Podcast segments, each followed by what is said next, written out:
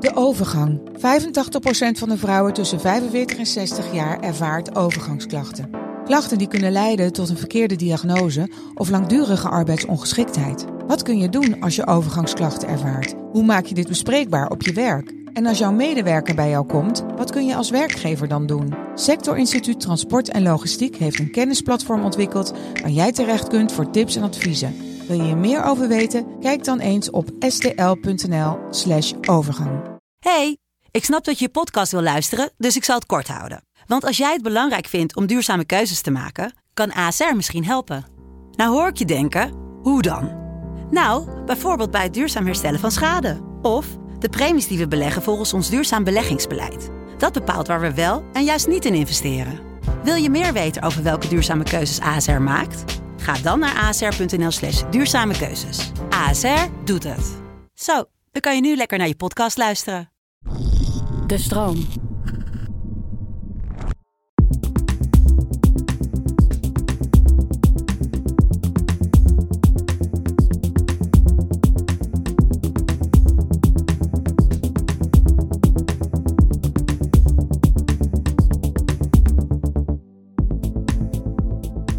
Dat je luistert naar de Podcast Psycholoog.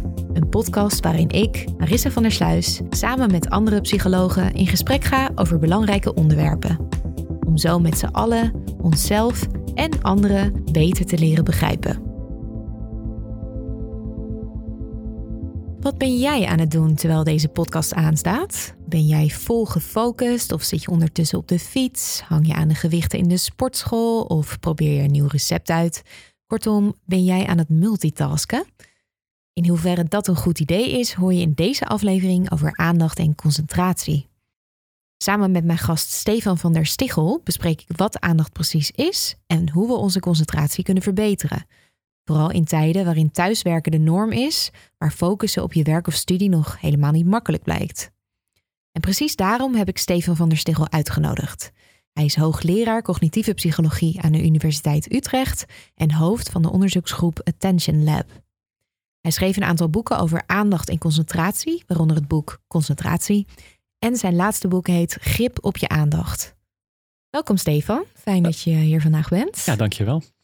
Um, ik was deze aflevering aan het voorbereiden en toen bedacht ik me, ben jij niet inmiddels een soort van concentratie-superman geworden? Nu je er zoveel kennis over hebt. Nou, het helpt wel. Maar mijn eerste reactie die ik eigenlijk wilde roepen is absoluut niet. Oh. Omdat je zou denken dat als je, dat als je er alles over concentratie weet, dat je het ook allemaal kunt toepassen. Maar er zijn ook heel veel dingen die natuurlijk gewoon misgaan. En waar je niet zo heel veel aan kunt doen.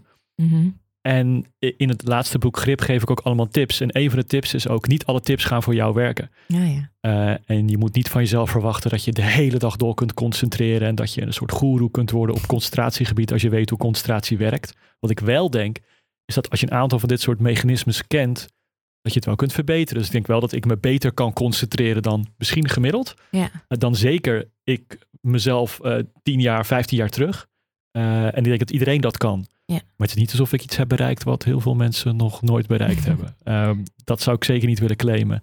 Nee. Ik heb mijn eigen valkuilen. Ik doe dingen heel goed, maar uh, ik doe dingen ook heel erg fout. En dan weet ik het gelukkig. En dan Ja. denk ik, oké, dit moet ik echt anders doen.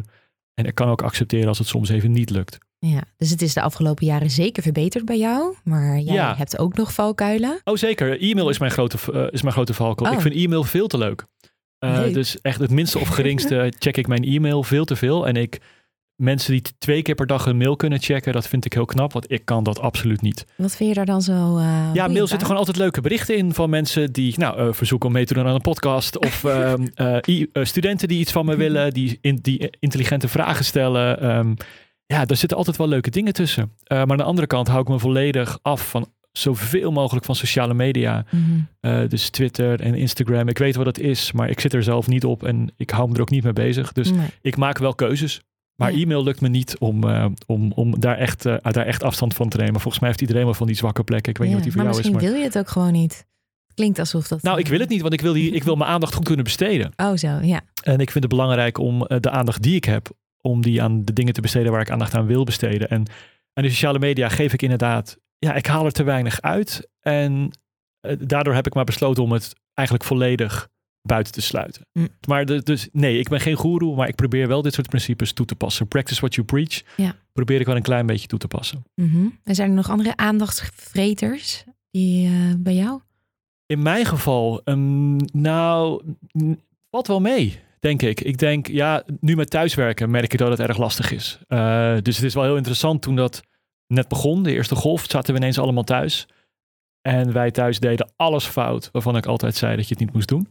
Eh, dus wij begonnen te multitasken. Dus ik begon mijn kinderen les te geven en tegelijkertijd een beetje naar mijn werk te bellen om dingen te regelen. Terwijl ik zeg dat je nog moet multitasken. Ik nam geen pauzes meer. Jaste gewoon de hele dag door. Terwijl ik altijd aangeef dat je pauzes moet nemen. Ik bewoog Mhm. niet meer. Dus na een paar dagen. En wij maakten onderling geen afspraken thuis. Dus het was gewoon één grote warboel zonder Eén concrete afspraken en blokken. En toen zeiden we tegen elkaar: wacht even, dit, dit- na twee, drie dagen het was de ergste, was de ergste achter de rug. Dachten we, nu moeten we echt even plannen gaan maken. Eh, dus het thuiswerken, het werk en privé, wat dwars door elkaar heen loopt, Mhm. dat, eh, dat is voor mij ingewikkeld en volgens mij voor heel veel mensen op dit moment. Mm, dus zelfs jij moest jezelf even opnieuw uitvinden. Ja, ja het was zo'n schok. Ik denk dat, dat heel veel mensen dat ervaren hebben. Ja. Of je nou wel of niet een drukke thuissituatie hebt. Ehm, maar nu zijn we er. Nu zijn we wat meer op ingespeeld. En ik denk dat nu veel mensen wel wat hebben om zeg maar, die tips concreet toe te gaan passen. En ook dat thuiswerken. Want ook in thuiswerksituaties is concentratie mogelijk. Maar we weten ook wel inmiddels dat het niet de optimale, ideale situatie is. Heel veel mensen willen toch stiekem weer terug naar kantoor. Mhm. Of willen daar een goede mix in gaan vinden. Ja. Ja, wat is het bij jou dan? Nou ja, eh, ik heb mijn grootste aandachtsvreter is mijn kat. En die Oh ja. wil echt letterlijk de aandacht. Als ik dan me probeer te concentreren op mijn computerscherm, dan eh, gaat hij er gewoon voor zitten. En dan eist hij alle aandacht op en springt de hele tijd op de tafel. Dus dat, ja, je wordt er iedere keer weer uitgehaald. Dus dat is echt irritant. En mijn telefoon als ik hem niet wegleg. Ja. Alleen al het idee dat hij daar ligt. En Ja. dan wil ik toch iets verversen. En dan merk ik ook dat ik dingen aan het verversen ben zonder dat ik een duidelijk doel heb. Als ik dingen moet doen als nakijken bijvoorbeeld, dan Ja. eh, leg ik hem echt ver weg. En dan zet ik hem op vliegtuigstand. Maar ehm, misschien de grootste afleider voor mij zijn mijn eigen gedachten.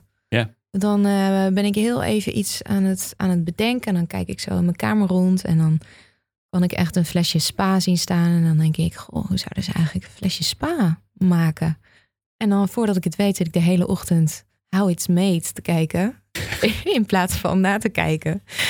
Ja, je, Dus- heel veel mensen denken inderdaad aan afleiding alleen maar dingen van buiten. Maar de afleidingen van binnen, hè, het, het dagdromen wat continu door je concentratie Ja. heen knalt. eh, dat, is, dat is zeker net zo heftig. Ja, Eh, maar ook een signaal, vaak een signaal dat er iets is waardoor je niet je taak langere tijd vast kan houden. Oh, Afleidingen van buiten is een signaal, maar afleidingen van binnen natuurlijk ook. ja. Weten mensen die veel concentratieproblemen hebben, dat die veel zorgen hebben. Mm. Nou, bepaalde stoornissen zijn natuurlijk heel erg gekoppeld aan concentratie. Het is het, eigenlijk het eerste waar mensen over beginnen te klagen.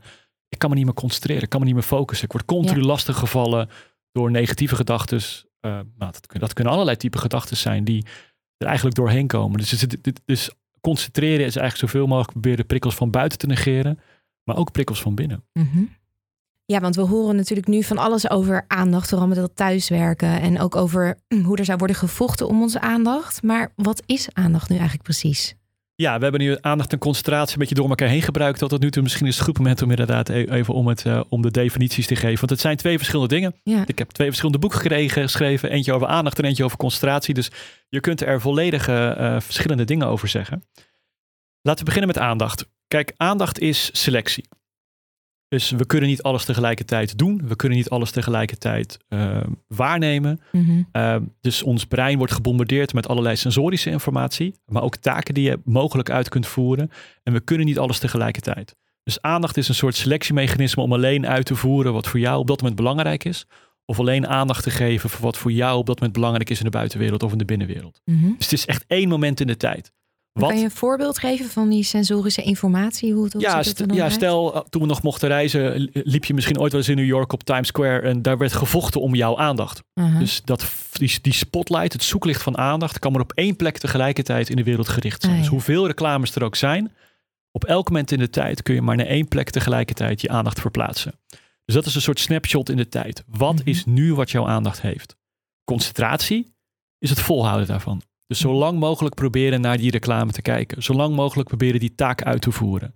Ja. En dat is dus eigenlijk, het is niet eens een psychologische term, concentratie. Wij noemen dat volgehouden aandacht. Een sustained attention. Hoe lang kun je ergens je aandacht op blijven richten? Ja, dus, Dus, aandacht is, het moment in de tijd. Ja, aandacht is het moment Ja. in de tijd. Eh, waar wil je nu je aandacht op? Wat grijpt je aandacht? Mhm. Maar dat kan elke seconde weer anders zijn. En een concentratie is proberen dat langere tijd op één plek te richten. Of op één taak. Dus aandacht, dat is eigenlijk wat welk gedeelte van de omgeving je aandacht pakt in Ja. de tijd. En als je volgehouden aandacht is meer waar je doelgericht mee bezig bent om je op te concentreren. En dan heb je veel meer controle over dat zoeklicht als het ware. Ja, en tegelijkertijd is het ook heel lastig. Je moet proberen je aandacht langere tijd op te richten. Maar er zijn heel veel dingen in onze omgeving van binnen en van buiten die aan die aandacht trekken. Mhm. En die aandacht kan dus heel gemakkelijk weer ergens anders naartoe gaan. En je moet dan juist proberen je aandacht weer terug te krijgen op de taak waar je op dat moment mee bezig bent. Dat is waarom concentratie zo moeilijk is, Mhm. omdat aandacht heel vluchtig is. Nou, als je die zin snapt, dan heb je denk ik het goed begrepen wat het verschil is. Aandacht is vluchtig en daarom is concentratie moeilijk, want dat is juist proberen dat vast te houden, zo Mhm. lang mogelijk. En niet door een kat die, eh, die op je tafel springt, of een notificatie, of een gedachte. Ja, het gaat dan- allemaal vanzelf. Dat wordt gaat vanzelf. is omgeving opgeëist eigenlijk. En, en, en daarom is het moeilijk. We moeten bewust zijn van onze omgeving en we moeten eh, abrupte prikkels in onze omgeving opmerken. Ja. Wij zitten nu in een vrij veilige studio. Mhm. Als er iemand binnenkomt gelopen, dan moet hij mijn aandacht grijpen. Dat, dat kan niet anders. Ja. Evolutionair gezien was dat handig Ja. voor onze overleving. Alleen het brein weet niet wat, wat nu weer in je omgeving gebeurt. Of dat gevaarlijk is of een notificatie. ja. Dat, het Je grijpt daar geen onderscheid Nee, in. het- maar het maakt gebruik van hetzelfde mechanisme. Mensen zeggen altijd, ja, die mensen van Silicon Valley, die weten precies hoe ons brein werkt. Ja, zo ingewikkeld is dit niet. dit is Het geen gewoon- rocket science. Nee, zet gewoon iets op het scherm met, abrupte, met een abrupte verschijning en onze aandacht gaat er automatisch naartoe. Ja. En mensen zeggen wel eens, ja, ik wil niet continu afgeleid zijn. Ja, in essentie wil je dat wel. Dat is belangrijk. Ja, Alleen dan je hoef je niet die moeite te doen voor hè, ergens langer op te concentreren. Want Ja. dat is niet altijd zo leuk. En je wil afgeleid worden door de juiste dingen. En dat is vaak waar, vaak waar het misgaat. In, in het verkeer wil je continu afgeleid worden door mensen die oversteken, verkeerslichten die van kleur veranderen. Dat is belangrijk. Mhm. Maar een notificatie voor een nieuw kattenfilmpje is dat misschien niet.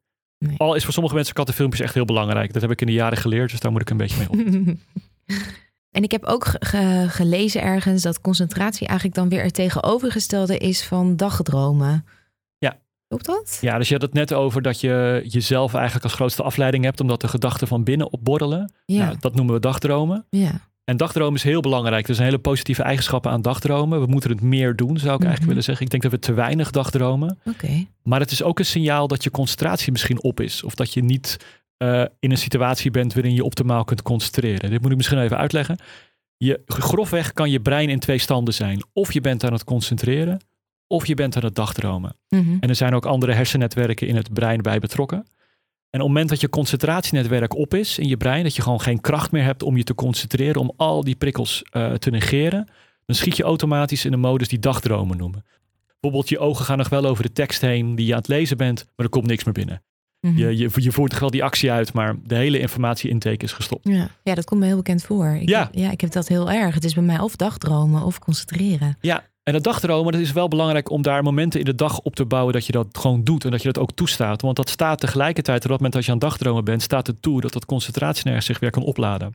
We weten dat na een goede pauze, waarin je dus hebt gedagdroomd en niet op je mobiele telefoon hebt gekeken, Mhm. want dan doe je nog steeds een beroep op je aandacht. Dus Ja. echt iets doen. Want voor je met- uitstaren. Ja, of lekker wandelen op een route die je al heel goed kent. Ja, automatische piloot. Of automatische piloot. En dat staat er toe om eigenlijk een concentratienetwerk weer op te laden. Je kunt creatief worden als je aan het dagdromen bent. Dat ineens hè, de beste ideeën ontstaan onder de Mhm, douche. Een automatische actie. Ja. Of op de fiets. Als je naar je werk aan het fietsen bent. Dat je ineens denkt, hé, hey, dat is een goed idee. Ja, Dus het is goed voor creativiteit. Eh, Je, con- je concentratienetwerk kan zich opladen.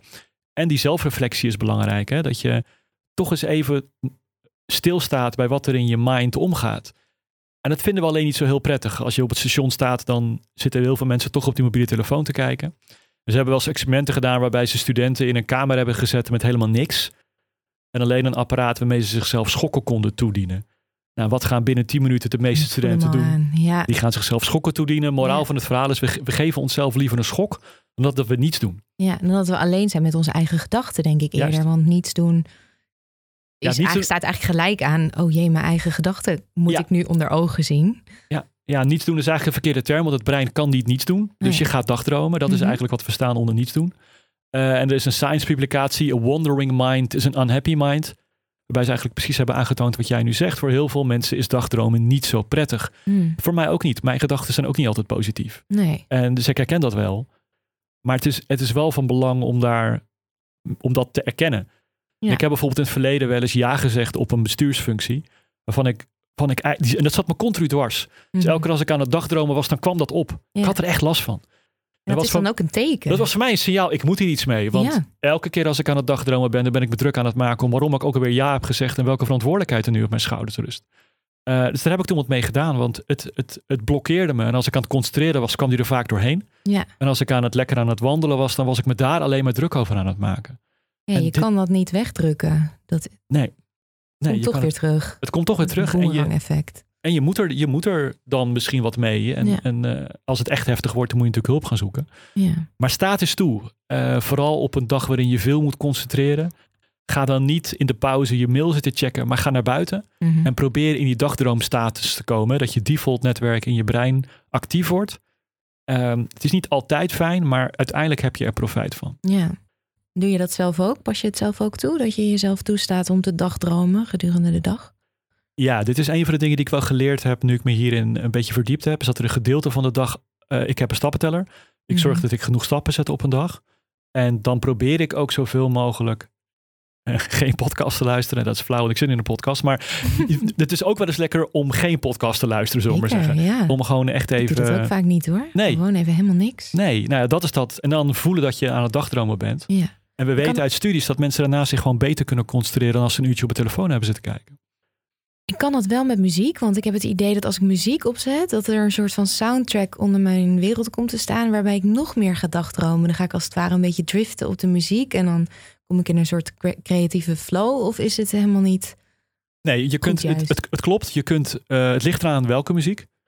Je kunt bijvoorbeeld heel goed ook werken terwijl je naar muziek luistert. Ja. Omdat je dan geen aandacht geeft aan die muziek. Het is er wel, de soort mood. Houd je- Zonder, zonder zang dan. Echt Ja. eh, elektronisch, heel langzaam. Ja, dat is precies de type muziek die je ook op Spotify ziet in van die werklijsten. Die Mhm. ervoor zorgt dat je dus geen actieve aandacht eraan besteedt. Dus geen abrupte tempowisselingen. Geen Nederlandstalige muziek, sowieso niet. Maar dat is een hele andere discussie. Sorry, dat is flauw. Maar ik bedoel, het, het, het zijn dingen die niet, waar geen aandachtgrijpers in zitten. En dat is inderdaad DJ-sets, neoclassiek. Ja. Eh, sommige mensen kunnen dit niet. Er zijn mensen die zeggen, ik kan absoluut niet werken met muziek op. Nee, het integreert meteen met waar ze mee bezig zijn. Ja, sommige mensen gaan gewoon automatisch naar muziek luisteren. En eh, eh, die, die kunnen niet da- naar muziek, dat muziek op hebben staan dat ze geen aandacht daaraan geven. Ja. Maar heel veel mensen kunnen het wel. Ik moet ook altijd muziek op hebben als ik werk. Ja. En ik, het is een soort, ja, ik kan iedereen aanraden om eens een keer een vaste Spotify-lijst te maken. Met gewoon Mhm. muziek die bij jouw concentratie past. Of muziek die bij, jou, eh, bij jouw dagdromen past. Dan hoef je er ook niet over na te denken. En vooral als je de muziek heel goed kent, dan geef je er natuurlijk nog minder aandacht aan.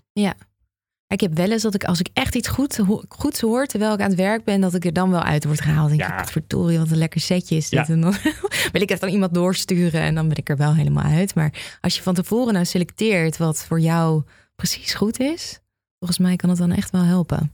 En ik merk zelfs wel dat als het echt heel ingewikkeld wordt met werk, dat hij Mhm. wel uitgaat. Ja. Dus het kost me toch enige kracht. Ik vind het prettig. Het is een trade-off. Dus ik heb hem liever dat de muziek aanstaat. Mhm. Maar als er een hele moeilijke zin is, of ik moet een of andere programmeerklus doen eh, die ik echt even dat moment heel ingewikkeld vind, dan gaat de muziek toch uit. Mm. En bij het inparkeren ook. Ik vind inparkeren heel ingewikkeld. Ik kan auto rijden met muziek aan, maar niet inparkeren. Dus dat, bet- dat betekent toch dat ik enige resource ervoor nodig heb Ja, om dat te onderdrukken. Alles, alles nodig. Ja. Alles in gang zetten. Oké, dus we- ik begrijp nu wat het verschil is tussen aandacht en concentratie. En ook waarom eigenlijk dagdromen juist goed is om later je juist weer beter te kunnen concentreren. En we hadden het ook net even over multitasken. En nou zeggen ze natuurlijk dat vrouwen goed zijn in multitasken en dat mannen dat niet kunnen. Nou, dan ben ik sowieso altijd wel een beetje tegen die genderhokjes. Sowieso, omdat ik daar zelf vaak niet echt in pas.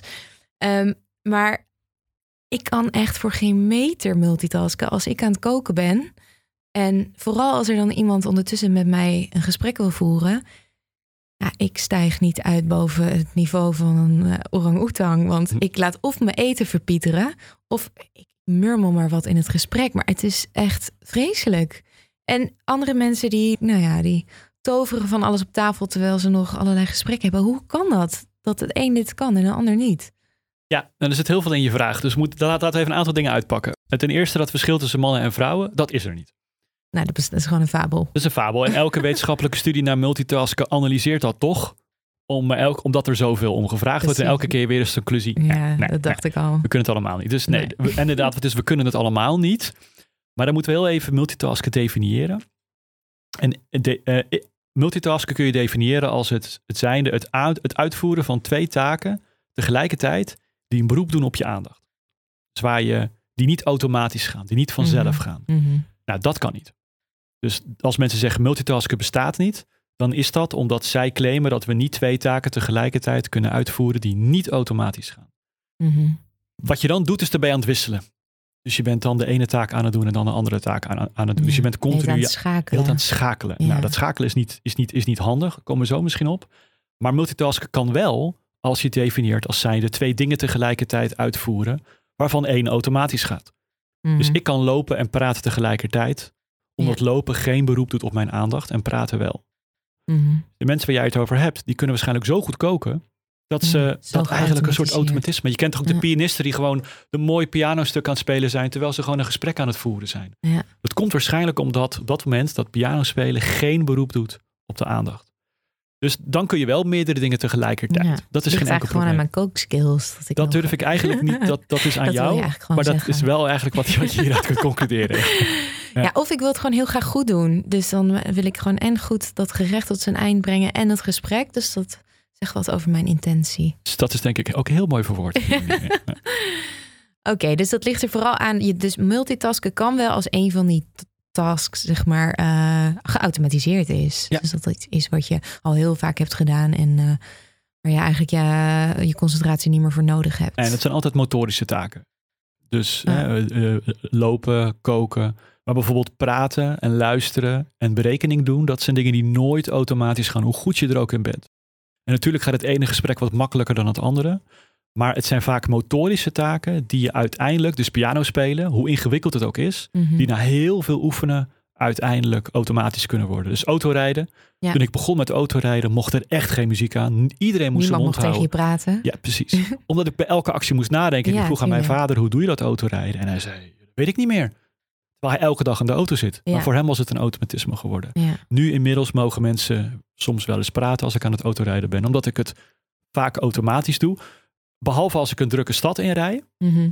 Dan moet iedereen zijn mond houden. En dat doen mensen ook. We weten uit studies dat op het moment dat iemand naast je zit. ja, En die ziet dat een verkeerssituatie ingewikkeld wordt.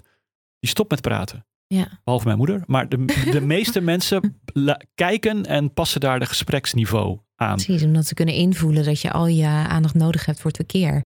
En daarom is bellen in de auto geen goed idee. En daar kun je wel een gesprek voeren met iemand naast je in de auto. En dat, dat, dat is een soort, als je die snapt, Ja, eh, dat is waar heel veel mensen vragen af. Ja, maar dan mag ik toch ook niet praten met iemand in de auto? Dat mag wel. ja. Maar bellen niet, Let want, mee. want die op. kijkt, ja, die kijkt Ja. niet mee. Nee.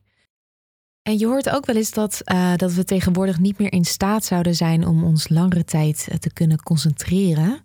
In hoeverre is dat nou eigenlijk waar? Ja, dat is een beetje de million dollar question.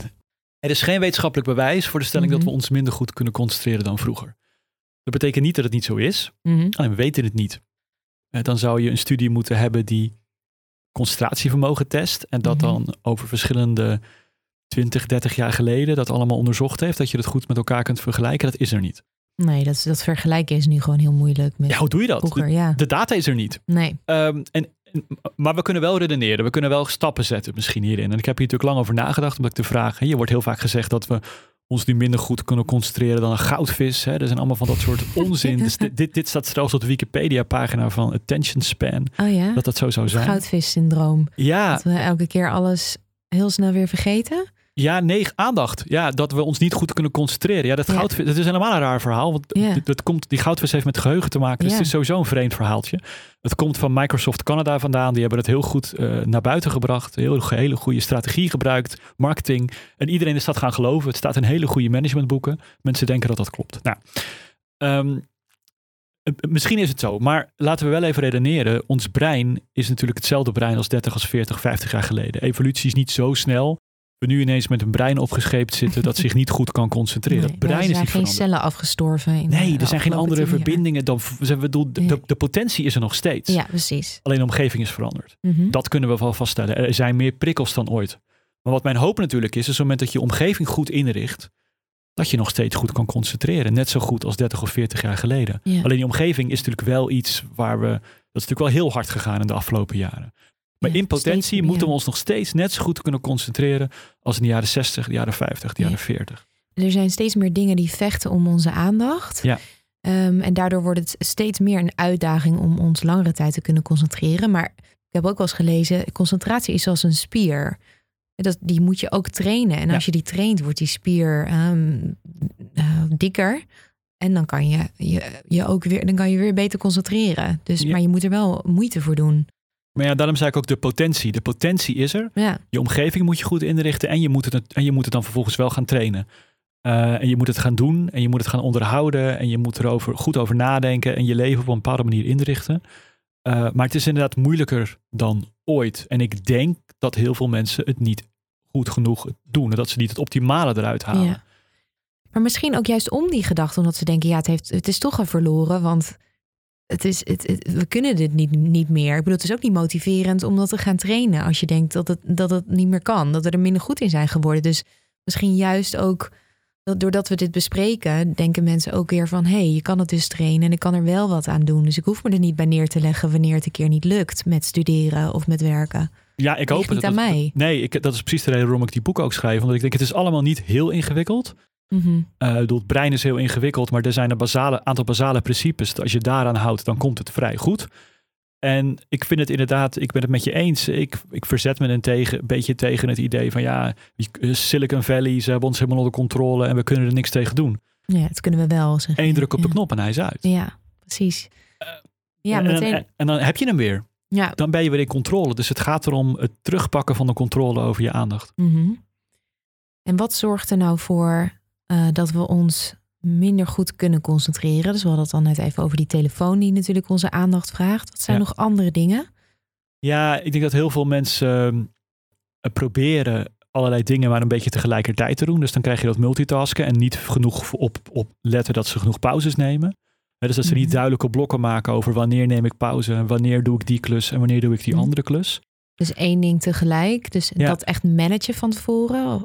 Duidelijke planningen maken en weten waar in mijn dag zitten mijn concentratieuren. Het ook goed communiceren met eventuele huisgenoten en collega's. Dat je weet, ik ben even niet bereikbaar. Stel je voor, neem je voor om morgen drie uur te gaan concentreren. Waar zitten die uren?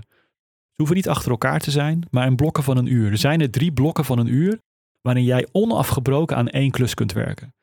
Nou, dat is voor heel veel mensen al best een uitdaging. Mhm. Zonder dat je mail gaat checken, zonder dat je, zonder dat je afgeleid gaat worden door collega's. Dat je schuldig hoeft te voelen. Ja, schuld, zonder dat je schuldig hoeft te voelen dat je niet op appjes en telefoontjes reageert. ja.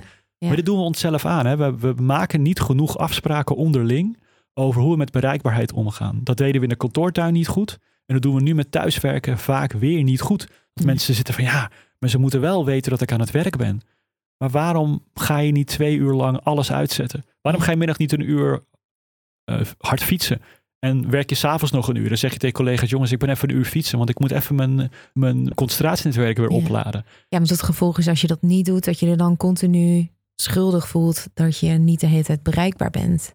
Of angstig misschien ook wordt. Ja, dat bereikbaarheid, dat wordt gezien als een groot goed. Hè? Dat mensen die snel reageren op van alles, die zijn heel betrouwbaar. Maar je kunt er wel een stukje omdenken en denk, ja, wat zijn die mensen eigenlijk aan het doen? De hele dag, als je de hele dag door op je WhatsApp kan reageren. Dan ben je niet aan het concentreren. Nee, dan, kan je nooit jij- in een diepe concentratie Nee, terechtkomen. Dan laat jij je dus afleiden door, dus dan kan je iemand door een berichtje te sturen, diegene uit zijn concentratie halen. Terwijl concentratie zo waardevol is. Ja, Uh, want Dus- wat we dan, wat we dan even een belangrijk punt wat we net niet Mhm. besproken hadden, maar dat wisselen, dat is, dat is Ja. heel vermoeiend. Dat kost heel veel tijd. Je hebt steeds die wisselkosten. Je gaat veel meer fouten maken. Dus jouw eten, als je aan het continu aan het kletsen bent, wordt waarschijnlijk ook minder lekker. ik heb Eh, dan vaak laat ik het gewoon aanbranden. Ook. Ja, ja of het duurt En heel lang. ben je Ja. ontspannen na afloop?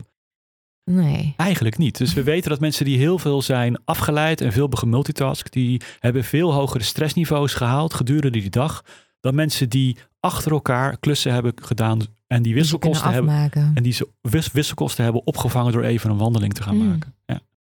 Dus eigenlijk met jezelf afspreken hoe je je werk inricht. Dus echt een planning maken, genoeg, genoeg rustmomenten.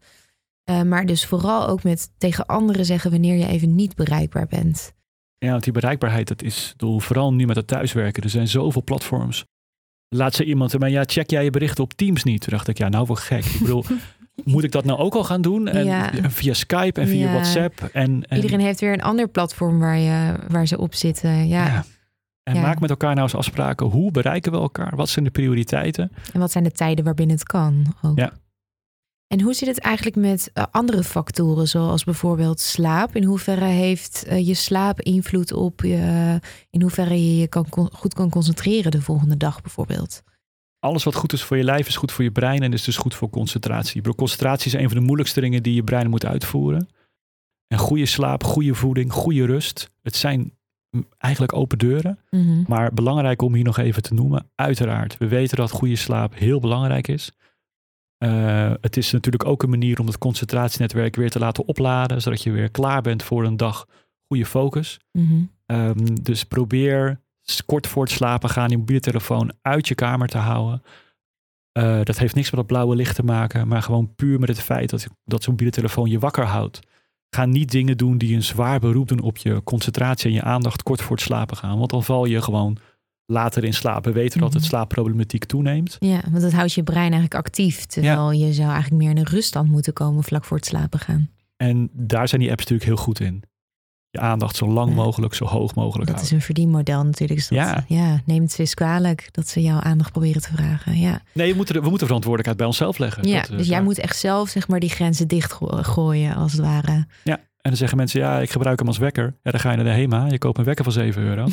en die telefoon gaat een, Ja. uur, gaat, gaat een uur gewoon uit je kamer voordat je gaat slapen. Je noemde ook voeding. Die had ik nog niet gehoord. Hoe kan voeding dan eh, Ja, daar krijg te ik veel maken hebben met je concentratie? ja, daar krijg, ik, daar krijg ik veel vragen over. Welke voedingsstoffen zouden dan... En eh, hier moet ik heel eerlijk zijn dat daar gewoon heel ontzettend weinig gegevens over zijn. Dat weten we niet goed. Nee, maar je Maar- bedoelt meer gez- gezond eten. Ja. Dat dat wel belangrijk is. Alles wat goed is voor je lijf is goed voor je brein. Ja. Brein is deel van je lijf. Dus Mhm. de, daarom zijn het open deuren, omdat je denkt, ja, de. Maar goede voeding, goede slaap, goede rust, sporten, bewegen eh, is goed voor je hart en Mhm. dus ook goed voor je brein. Ja. En hoe lang kan je nou eh, achter elkaar verwachten dat je geconcentreerd kan doorwerken? Want ik, ik heb wel soms gesprekken met studenten die dan ook van die onrealistische planningen soms voor zichzelf hebben bedacht. Met veel te hoge eisen eigenlijk. Van hoe lang ze achter elkaar geconcentreerd kunnen studeren. En dan zeg ik, nou probeer het anders eerst even met een blokje van een half uur. En kijk hoe dat gaat met een pauze. Ja. Ja, dat is heel herkenbaar. Ik, eh, ik begeleid ook veel studenten en vaak als ze scriptie schrijven, dan twee weken van tevoren zeggen ze, nou, ik heb een tante en die heeft een huisje op de hei. Dan ga ik daar twee weken zitten en dan schrijf ik in één ruk mijn scriptie af. Dat valt altijd tegen. Ja, dan komen ze altijd terug van, nou kunnen." ja, ik maar een beetje een tegenvaller. Maar nee, inderdaad, het is ook een illusie dat je je oneindig op een dag kan concentreren. Ik kan hier geen concrete getallen noemen. Als ik Oh. concrete getallen noem, Mhm. dan doe ik mijn vakgebied schade aan Oh, omdat elk brein is anders. Elke situatie is anders. Daarom vind ik die Pomodori-techniek ook niet handig. Hè? Voor de mensen die het niet kennen. Pomodori-techniek is een soort kookwekker die je dan moet 25 minuten moet zetten. Ja, daar Waarom word je, 25 daar word je- minuten? Er staat het internet bol van. Ja, maar waarom 25 minuten? Waar is het op gebaseerd? En dan 5 minuten pauze. Maar je bent, stel je bent net lekker bezig en dan gaat die kookwekker na 25 Ja. minuten. Je zit in een volle focus, je bent in een flow en je bent super lekker bezig. Gaat die wekker af? Waarom zou je stoppen? Ik snap dat niet. En Ja, waarom als je echt heel om mensen moe op bent... gang te helpen, maar het haalt je ook gewoon keihard weer uit je concentratie. En dan ben je hartstikke moe. En dan moet je van die wekker nog 17 minuten. Terwijl je misschien echt iets hebt opgelost. Maar ja, die wekker gaat nog 17. Dus nee, ik zei net dat de basisprincipes best simpel zijn. Mhm. Maar psychologie is heel ingewikkeld. Omdat elk mens anders is. Dus die Mhm. principes kun je wel uitleggen. Maar om dan tegen jou te zeggen, jij kunt je zo lang concentreren. Of jouw ideale, pa- ideale pauze is zo lang. En mensen willen dit heel graag horen. hè, Want ze willen zo graag concrete. eh, ja, en als ja, ik het zeg, ik heb er met de media, de media mee opgelet. Als mensen, me, als mensen concrete getallen aan me vragen, dan, dan merk ik meteen, dit wordt de kop. Ja, Ja. eh, Dus daarom is die goudvis ook zo'n goeie. Dat is heel tastbaar op een of andere manier. Mensen Ja, willen dat. En dan eh, gaan mensen daarmee aan de haal. Terwijl dat natuurlijk altijd genuanceerder ligt dan dat. Ja, dus als iemand, ik heb veel collega's die, die niet in de wetenschap zitten en dit soort boeken schrijven. Die komen met hele concrete getallen, ondervraagt die mensen. Waar baseer je dit op? En el- elke, elke onderbreking kost je 20 minuten. Mhm. Ja, dat is dan uit één observatiestudie geweest, maar Ja. dat is toch niet elke onderbreking? Het verschilt ook per persoon natuurlijk. Ja, en situatie. Ja. Eh, dus nee, concrete getallen kan ik niet noemen. Nee. Principes wel. Maar iedereen moet zelf uitzoeken wat, wat kan er vandaag? Ja. Wat past er bij mij? En het hangt ook heel erg af van de tijd, toch? Ik heb, ik heb soms dagen, dan kan ik me nog geen tien minuten op, eh, Ja. op iets focussen. En, en eh, toen ik student was, eh, kon ik soms ah, ah, drie uur achter elkaar in een diepe concentratie in tentamen maken. En dan daarna het gevoel hebben dat ik wakker was geworden uit een, uit een soort droom. En heel af en toe heb ik dat nog steeds wel, echt die diepe, urenlange concentratie. Het is iets magisch. Ineens is het er. Het is natuurlijk motivatie. Hè? Hoe, Ja. hoe, hoe tof je iets vindt. Hoe, hoe ontzettend gemotiveerd je bent om iets langere tijd uit te gaan voeren. Dat zijn allemaal factoren. Maar daarom is het wel belangrijk om ook te accepteren dat het soms gewoon niet lukt. Je kan alles uitgezet hebben. Zoveel zin in een bepaalde klus hebben. Maar dan nog lukt het soms niet. Nee. Eh, en dan moet je ook, een van de tips uit het boek is ook, wees niet streng voor jezelf. Want als je vermoeid bent of je bent niet optimaal gemotiveerd of je hebt zorgen, Mhm. dan kan je wel tegen de klippen in gaan proberen te concentreren. Maar dan kom je alleen maar in een negatieve spiraal terecht natuurlijk. Ja, dus dat je tegen jezelf zegt, joh, vandaag werkt het even niet. Ik, pak een, ik maak een ander blokje en dan ga Ja. ik het daar eh, proberen. Lekker fietsen, morgen weer een dag. Ja. Ja. Ja, want wat werkt nou averechts als je je nou niet kan concentreren? Ja, tegen de klippen in toch proberen te concentreren. En dat dat, dat een, eh, eh, is als je merkt dat je continu afleidingen van binnen hebt. Stel je maakt je zorgen over de gezondheid van een, van een, eh, van een familielid. En je wil op dat moment per se toch concentreren. En je zit dat keihard te onderdrukken. Terwijl het Ja. toch de hele tijd naar boven komt. Ja, misschien dat je ook nog op jezelf zit te fitten dat het niet lukt. Ja. Dat, dat, dat voel je alleen nog maar slechter. Ja, dus dat is, in, dat is inderdaad, eh, dat is denk ik niet goed om te doen. Ehm, en eh, ja, mijn raam op mijn universiteit kijkt uit op de universiteitsbibliotheek. Dan zie ik studenten tussen zichzelf en de laptop in die mobiele telefoon houden. Dat ze continu alles maar proberen in de, in de gaten te houden. Eh, beloon jezelf door lekker op sociale media te gaan kijken. En nadat je misschien een x, x-tijd hebt geconcentreerd. Mhm. Eh, en neem even lekker een technologiepauze. Ik, ik heb liever dat je gaat wandelen, maar oké, weet je wel. Ja, Eh, Als je ik echt heb- niet zonder kan, dan is dit Juist. nog de, de, de meest, minst slechte optie. Ja. ja. Oké, dus absoluut niet je telefoon tussen je, tussen je studieboek en jezelf leggen. Of je laptop en jezelf. Want dan ben je eigenlijk gewoon de hele tijd gefocust op je telefoon. Ook al gebeurt er niks. Eh, stel je nou voor dat je hem op vliegtuigstand hebt, maar je hebt hem nog wel in het zicht liggen.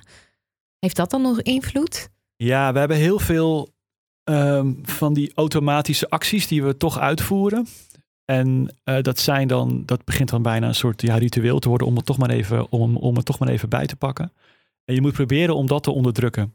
Ehm, en van dat soort neigingen om dingen automatisch te doen, als je op de bus staat te wachten om dan maar gewoon uit je telefoon te pakken, dat is, dat is een onbewuste actie. En eigenlijk de enige manier waarop je dat kan voorkomen is de drempel tussen jezelf en die actie zo groot mogelijk te maken.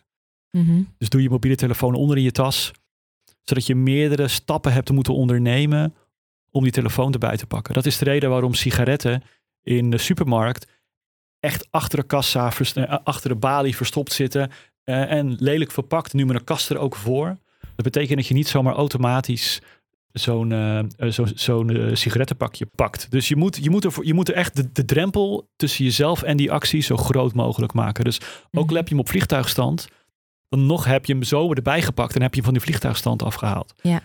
Als je hem echt in een andere ruimte hebt liggen en eh, daar heb je van die doosjes die je af kan sluiten, die 20 minuten lang dicht blijven.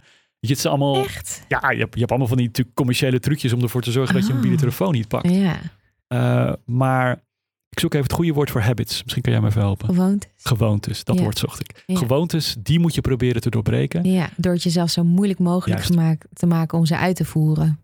En het gedrag wat je wil uitvoeren zo makkelijk mogelijk maken. Mm. Kijk, niemand die een dieet wil volgen kan computeren met een doos snoepjes naast zich.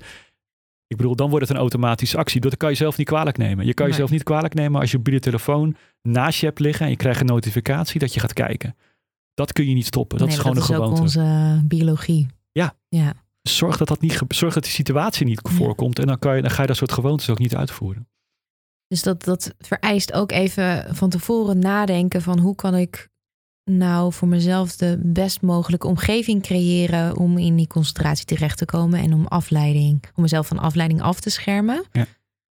Zijn er nog andere tips die je hebt om, eh, je beter te kunnen concentreren en je te wapenen tegen afleiding? Ja, je hebt heel veel van dat soort trainingsprogramma's, breingames en zo. Ik zou daar zo ver mogelijk van blijven, omdat ze heel vaak niet generaliseren naar de echte wereld. Dus dan word je wel beter in die game, maar daar merk je dan in het echte leven niks van. En je denkt dat het werkt, want je wordt beter in die game. Ja. Maar vervolgens hebben we er niks aan. Maar wat beweren ze dan? Dat je, dat je concentratie wordt verbeterd op het moment dat je beter wordt in die games? Ja, er zijn En heel veel dat is breingames, hè? onzin. Heel veel breingames Ah. wordt flink geld ingepompt. Ja. Steek je daar Eh, je tijd in? Denk je dat je beter wordt? En Ja. Dan... Het geeft je een goed gevoel, maar het helpt je niet. Er is één uitzondering. Ja? Oh, Eh, ja, en de- nou ja, dat kom ik van jouw vrij eigen ver. spel die je ontwikkelt. nee, dat is, eh, nee, dat is zelfs voor mij gek om elke keer toch weer te zeggen, want dat is meditatie. En Oh, de, ja. de, de Ja. reden dat het, en dan vooral mindfulness, daar is veel wetenschappelijk onderzoek naar gedaan. De reden dat ik het moeilijk vind, is dat ik er dat ik het jarenlang geleden tijdens mijn studietijd geprobeerd heb en gillend ben weggerend omdat ik in de verkeerde hoek terecht kwam. Maar De eh, verkeerde hoek? Ja, nou, we hadden het over zonneknopen en eh ze werden allemaal wierookstokjes afgestoken en eh, weet je, dat is gewoon mijn wereld niet. Nee, daar was je veel te sceptisch voor. Ja. ja. En, eh, maar toch overgehaald uiteindelijk. overgehaald ja. door- door de literatuur. mechanisme daarachter. Ja, dus ik ben de literatuur gaan lezen omdat ik er veel vragen over kreeg. En ik, ik- en ik ben erin gaan duiken en ik kwam veel studies tegen. En het wetenschappelijk bewijs is best overtuigend. Mhm. Ehm, het is niet allemaal nature en science publicaties, maar kwaliteit is best wel goed. En het bewijs is ook overduidelijk. Mhm. En ook niet heel verrassend als je een klein beetje in verdiept. En ik wil mezelf zeker geen meditatiegoeroe noemen, dus excuses als ik me hier eh, eh, verkeerd uitdruk straks. Maar de mechanisme achter mindfulness is heel vergelijkbaar met wat concentratie is.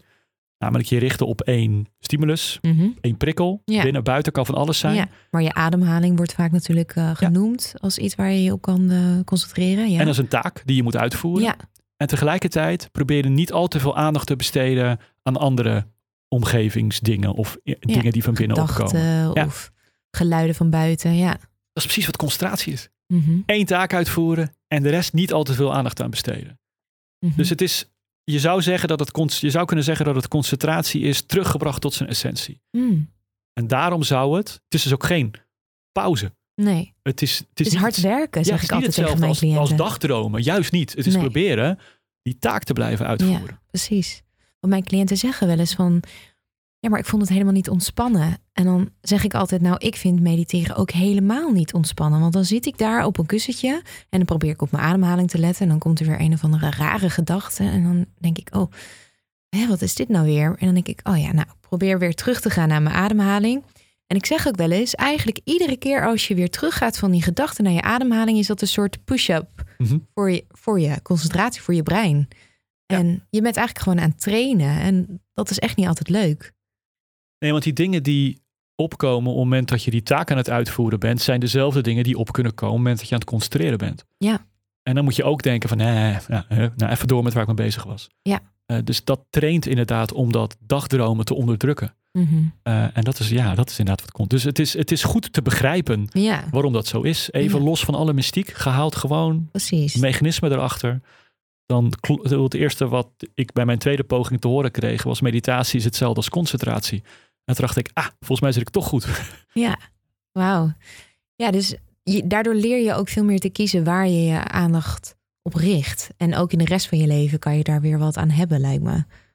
Ja, Wat beter getraind hebt. wat mee te getra- hebben getraind. En, en eh, eh, volgens mij is het ook voor heel veel andere dingen. We hebben het over die zelfreflectie gehad. Volgens mij is het natuurlijk ook interessant om te kijken welke gedachten er dan steeds opborrelen Mhm. tijdens meditatie. Maar er- teruggebracht naar concentratie is het een gewone manier om die spier te trainen. En wat is dan, eh, bij wijze van spreken, als je dat elke dag vijf minuten zou doen, zou je dus al wat effect kunnen Ja. zien?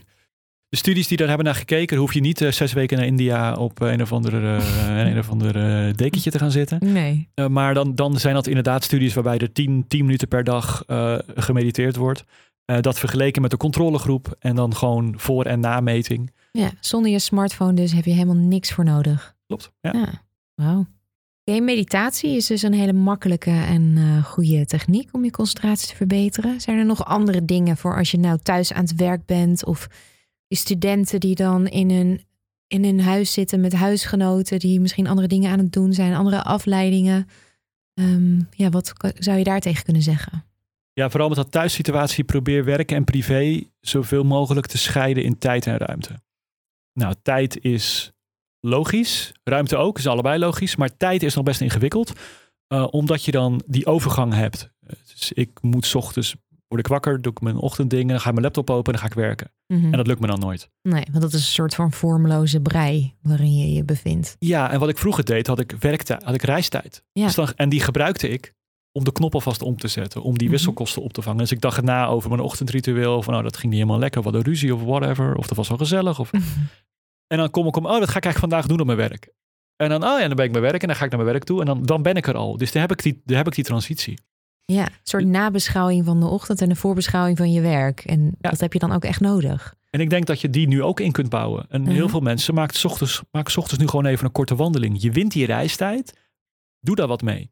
Ja. En die reistijd had, we, eh, we waren er vaak wat negatief over, maar het heeft toch een functie. En s'avonds ook kun je natuurlijk echt dat, dat zo'n soort honey, honey I'm home momentje creëren. Door gewoon eventjes te gaan wandelen en, thuis, en echt thuis te komen Ja, en je werk achter je te laten. Ja. Want als ik de deur achter me dicht trek van mijn werkkamer, ja, dan moet ik dus meteen met privé bezig zijn. Dat, ik merk dat ik dat heel ingewikkeld Ja. vind en ik snap dat ook. En ik denk dat heel veel mensen dat ingewikkeld vinden. ja, dus je hebt een soort cues eigenlijk nodig voor je, voor je hoofd. eh, om het te laten weten van, hé, hey, nu is mijn werkdag afgelopen en nou begint ontspanning. Eh, dus bij wijze van spreken inderdaad van buiten komen, de sleutel in de deur steken, open doen en ah. Ja, dus er zijn Dus- mensen die zich even omkleden. Ja.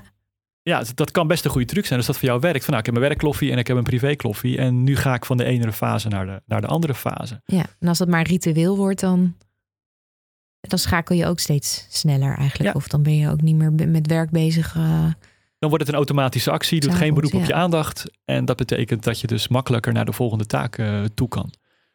Dus dit zijn allemaal trucs die je kunt gebruiken om, eh, om, om werk en privé duidelijker te scheiden. Ja, en om je, maar toch ook een beetje om je brein niet voor de gek te houden. Dat klinkt een beetje negatief, Mhm. maar ja, om het wel een beetje te sturen als het ware.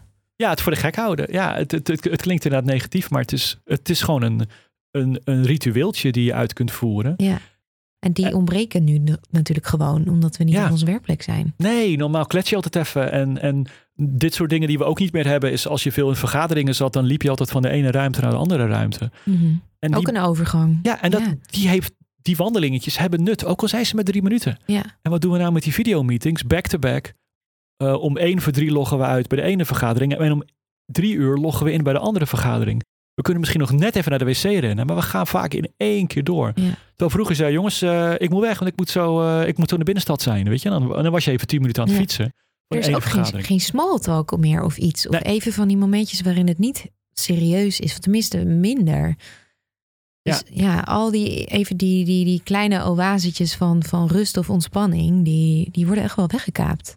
Ja, en ook binding. Hè? Wa- waarom? Motivatie is natuurlijk heel belangrijk voor concentratie. Stel je werkt nu bij een vrachtwagenbedrijf. En vroeger kwam je dat terrein op gereden en zag je die vrachtwagens rondrijden. Ja, gaaf bedrijf werk ik eigenlijk toch. Ja, En nu zit je thuis en maakt het uit waar je werkt. ja. Ik bedoel, dus het, Ja, je zit toch de hele tijd Ja. tegen, je, tegen hetzelfde aan te kijken. ja, of je ging naar je werk en dacht, ook op toch dat ik die ene leuke collega. Ik heb toch een leuke klik met die collega. Weet je? Ik zie hem of haar vandaag weer om twee uur. ja.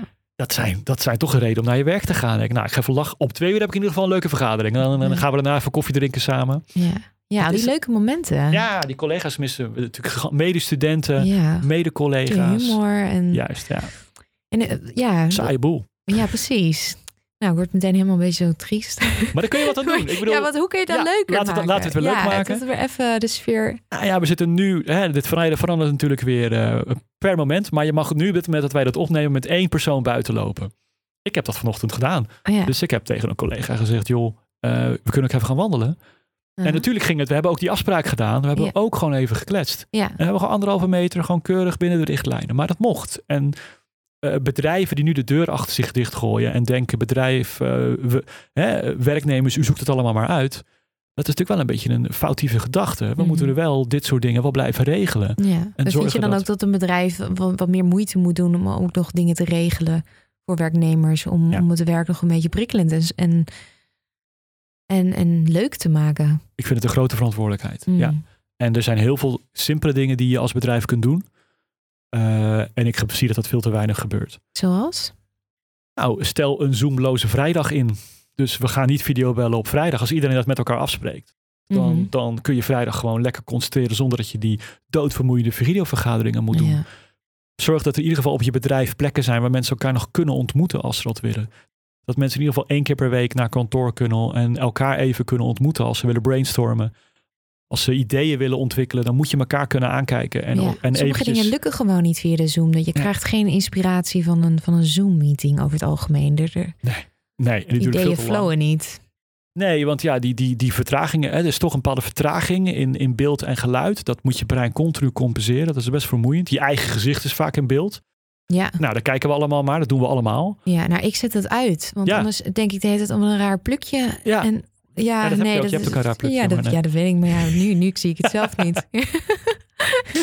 Jij ook trouwens. Ja, dat is maar, maar weet je, dat, eh, de, de, het, het, dus de videovergaderingen zijn doodvermoeiend. ja. En, en, en echt, dit heb ik pas veel te laat gedaan zelf. Bluetooth headset met microfoon. En elke dag één of twee vergaderingen uitzoeken. En gaan lopen. ja. Van waarom moet je kop continu in beeld Ja, zijn? dat snap ik. Wat is het voor... Ga wandelen. Want ik merk dat ik veel obsessie leuker... met, met elkaars hoofd zien Ja, want tijd. ik kan, dat merk je waarschijnlijk al stilzitten, is niet echt mijn ding, zullen we maar zeggen. Dus ik, ik, ik vind het heel Het moeilijk om, ja. om zo stil achter zo'n monitor te zitten. Dus ik ben continu aan het wandelen. Ja. Gewoon met die koptelefoon in En dan kan je ook gebaren maken en gewoon Ja. even niet. Want je moet ook de hele tijd naar die ander kijken natuurlijk. En dat, dat ja, is ook heel vermoeiend. Maar het, eh, je wordt er ook minder creatief van volgens mij. Doordat Ja. je de hele tijd naar één punt moet staren. Ik weet het niet hoor. Dit is puur psychologie van de koude grond nu. Maar Nou, ik merk bij mij, en dat raad ik echt iedereen aan om te proberen, is om één of twee van die meetings gewoon wandelend te doen. En ik Ja. merk dat zijn echt verreweg de beste meetings. Is iedereen dan niet gewoon ook opgelucht? Dat, dat ze niet voor het scherm hoeven te zitten? Nee, sommige mensen vinden dit echt prima. Ik bedoel, Oh. er zijn grote individuele verschillen dat stil zitten. En volgens ik zie soms collega's achter de camera zitten van ik het idee heb dat ze gewoon het beeld gefreezed hebben. Die zitten helemaal stil. En, die, en je ziet mij continu eh, alle kanten opdraaien op die, op die stoel. Ja, En ik merk meer mensen. Ik zit altijd met dingen te friemelen. En, en ik ben gewoon veel te druk ja, precies. om stil te zitten en naar een webcam te Ja. gaan staren. Ja, je moet veel meer je energie kwijt kunnen. Lopen, bewegen. Ja. Heb je nog een allerlaatste tip voor de luisteraars? Nou, mag ik nog even één terugkomen, terugkomen op eentje dan? Want ik denk dat dat, vind- dat vind ik een hele belangrijke. Ja, eh, om, om, om dat, kijk, dit is geen zelfhulpboek. Om, die probeert een soort perfecte versie van je mens, van jezelf te maken. Mhm. Eh, hier staan veel tips in. En als er ook maar vijf tips zijn waarvan jij denkt: hey man, dankjewel, daar heb ik echt wat aan. Ik kan me net, net iets beter concentreren. Dan is het al Ja, meegenomen. ik bedoel, Niet te dus- hoge eisen stellen ook Juist. aan wat je allemaal moet kunnen. Want uiteindelijk verlamt dat ook vaak. Ja, Ja. Als je vindt van jezelf dat je maar eh, een hele middag perfect moet kunnen concentreren. Ja, zo werkt het nou eenmaal niet. we zijn geen robots. Nee. Het zijn lastige tijden. Ja, Eh, concentreren zorgelijke met tijden ook. Concentreren Ja. met zorg is heel ingewikkeld. We Mhm. moeten ineens, we zijn onze rituelen kwijt. Dingen die vanzelf gingen, gaan niet meer vanzelf. Eh, dus als het even niet lukt, dan is dat helemaal prima. En eh, geniet van de flexibiliteit die je nu hebt. Mhm. Dus als je het mooi weer is en je, zit, en je wil lekker eh, hardlopen of wielrennen of wandelen, ga lekker naar buiten als je dat uurtje hebt.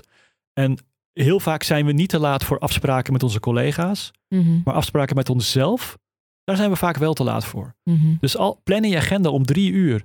Heb ik een afspraak met mezelf. Ja. En dan, zeg je die vergadering. Dan zeg je die vergadering, jongens, ik heb, ik heb een meeting om drie uur. Ja. Je hoeft je niet te zeggen met wie. Maar dan, dan, dan bewaak je dat momentje. ja, het is ook noodzakelijk. Je hebt dat nodig om. Ik ben een workaholic, maar ik heb geleerd dat pauze en rust nemen gewoon bij mijn werk hoort. Mhm. Anders, anders ben ik niet zo ja, productief, vind ik een eng woord. Maar ja, dan, dan heb ik het moeilijker om me te concentreren. Als Ja. ik niet genoeg pauze heb genomen. Dus zorg goed voor jezelf. Dat is een Dat is eigenlijk de allerbelangrijkste boodschap vandaag. Dankjewel, Stefan. Alsjeblieft, Ik graag ben heel gedaan. blij dat je hier vandaag eh, wilde zijn in de studio. Ja, dat was een mooi gesprek volgens mij. Dus dankjewel voor de uitnodiging. Wil jij na het luisteren van deze aflevering nog meer leren over psychologie? Word dan lid van onze club op depuodcastpsycholoogclub.nl en ontvang elke maand bonusmateriaal bij de podcast en een door mij persoonlijk ingesproken ontspanningsoefening.